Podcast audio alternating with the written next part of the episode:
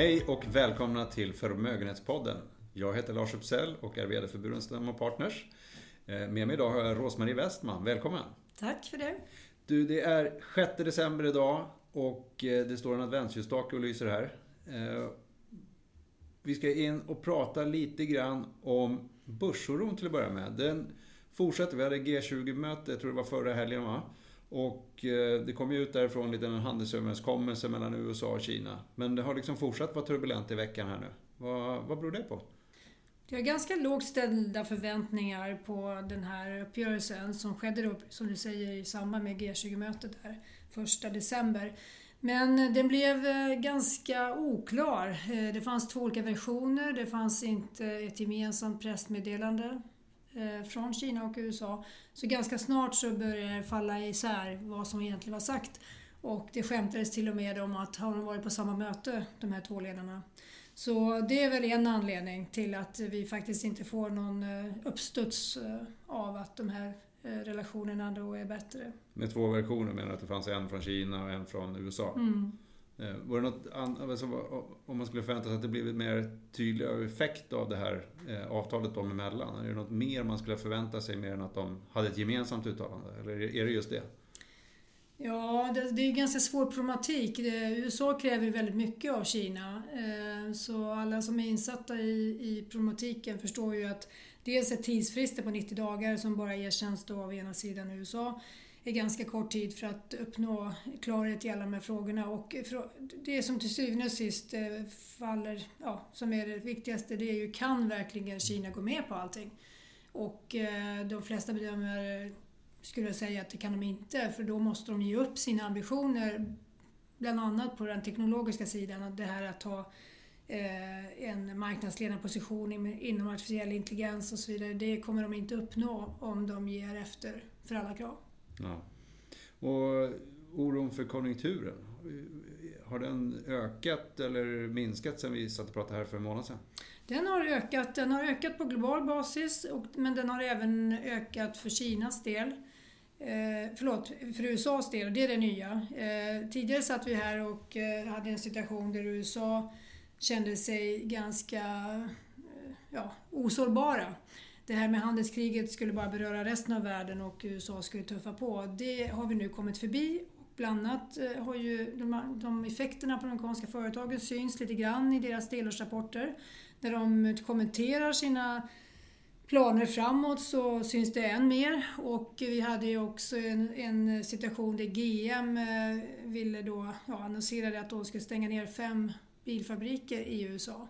Det blev väl själva droppen tror jag på att det här verkligen drabbar även USA. Ja. Och om vi går in lite grann, för konjunkturen påverkar räntor och räntediskussioner och vi har haft eh, fallande räntor i USA. Eh, och, men däremot så har företagsobligationer ändå sjunkit i värde. Kan du gå in lite grann på det där? Mm. Räntorna faller ju som ett svar både på börsoron och att eh, man har den här konjunkturoron.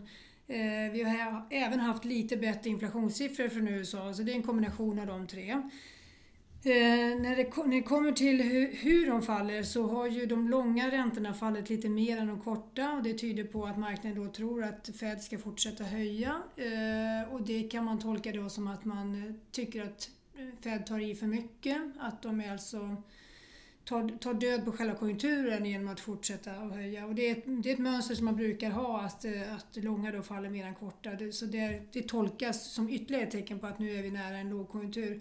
När du nämner företagsobligationer så eh, är det ränteskillnaden mot statsobligationer och eh, de kan ju gå isär i det läget där man är orolig för konjunkturen för att då får ju, problem, då får ju företagen större problem att betala räntor om, om eh, tillväxten sjunker. Och det kan också bli så att deras eh, finansiering blir dyrare eh, som ett resultat av det. Osäkerheten ökar och då måste det kompenseras gentemot investerare med högre räntor. Och högre räntor är då lägre värde på de här obligationerna. Just det. Och det här med att räntorna går isär mellan statsobligationer och företagsobligationer, det är det man pratar om i finansspråk som att spreadarna går isär. Mm. Eller hur? Det stämmer. Ja. Eh, men om vi tittar på Sverige då. Riksbanken har en ränta på minus 0,5 fortfarande. Vi pratar om att de ska börja höja här i december eller är det februari kanske. Eh, lite osäkert. Är de för sent på bollen nu här? Att vi går in i en lågkonjunktur och att det blir svårt att höja? Det kommer bli lite svårt. Eh, BNP-siffran som kom för Sverige, som är historiskt för tredje kvartalet, var svag. Och eh, signalerna om den globala konjunkturen kommer ju drabba indirekt även Sverige och vi har bostadsmarknadsproblematiken som inte har blivit speciellt mycket bättre utan kanske med mycket stor sannolikhet blir sämre under 2019. Så det blir en svår miljö att höja i. Eh, jag tror för egen del att de kommer höja i december. Eh, att de inte väntar längre utan ja, det blir av helt enkelt i december. Men det är inte en optimal Eh, scenario för att eh, det är klart att de, bryr, de har tidigare kommunicerat att de inte vill bry sig om hur bostadsmarknaden utvecklar sig. Det kommer de inte påverkas av. Men man får inte glömma att bostadsmarknaden är en ganska stor del av ekonomin som får också kringeffekter. Och det påverkar även, om de faller väldigt mycket då, bostadspriserna, eller väldigt mycket, det kanske räcker med den korrigeringen vi har, så blir ju människor lite mer försiktiga med hur de konsumerar. För att de känner sig helt enkelt lite mindre stadda i kassan som man säger. så, så det kan, eh, och i det läget är det inte så bra att höja räntorna. Om man har en försvagning på gång i konjunkturen och i det läget sätter igång med, höj, med höjda räntor så klart att den, eh, det är inte den bästa mm. av världar. Hur, hur har de långa räntorna i Sverige utvecklat sig? De har följt med ner, eh, så vi har ju fortfarande inte kommit över 1% utan vi är ju, vi är ju snarare på en halv procent på långa räntor på de tioåriga. Eh, vi har haft eh, nästan till samma rörelse som man haft i USA. I Tyskland har man haft något mindre rörelse men de har följt med ner även i Sverige. vi tar ett litet lappkast över till oljan, för den pratar vi inte om varje gång men den påverkar världsekonomin rätt så mycket. Och det har varit ganska stora rörelser på på, på oljepriserna.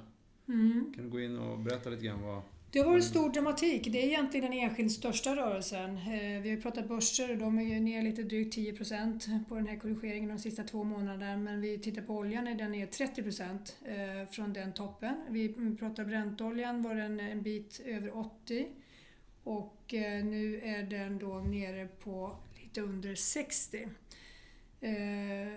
dollar per fat. Och det finns ju två komponenter i den. Att, där, dels är det utbudet som har blivit större. Lagen har blivit lite större än vad man har tänkt. Alltså produktionen historiskt har varit ganska hög under 2018. Sen kommer den här konjunkturbilden som vi har pratat om innan, den drabbar även då synen på oljemarknaden. Så den skulle jag säga kanske är den största delen i det här. Men det är båda, de, båda komponenterna talar för eh, dollar, eller vad säger oljan ner. Och det här är en ganska stor omsvängning för när vi låg där på 85 som allra högst, eller vad det nu var, 85-86, då var det många som varnade för att oljan skulle gå ända till 100 och det är bara några månader sedan. Och eh, det är klart att det hade ju varit en hämsko för, för tillväxten.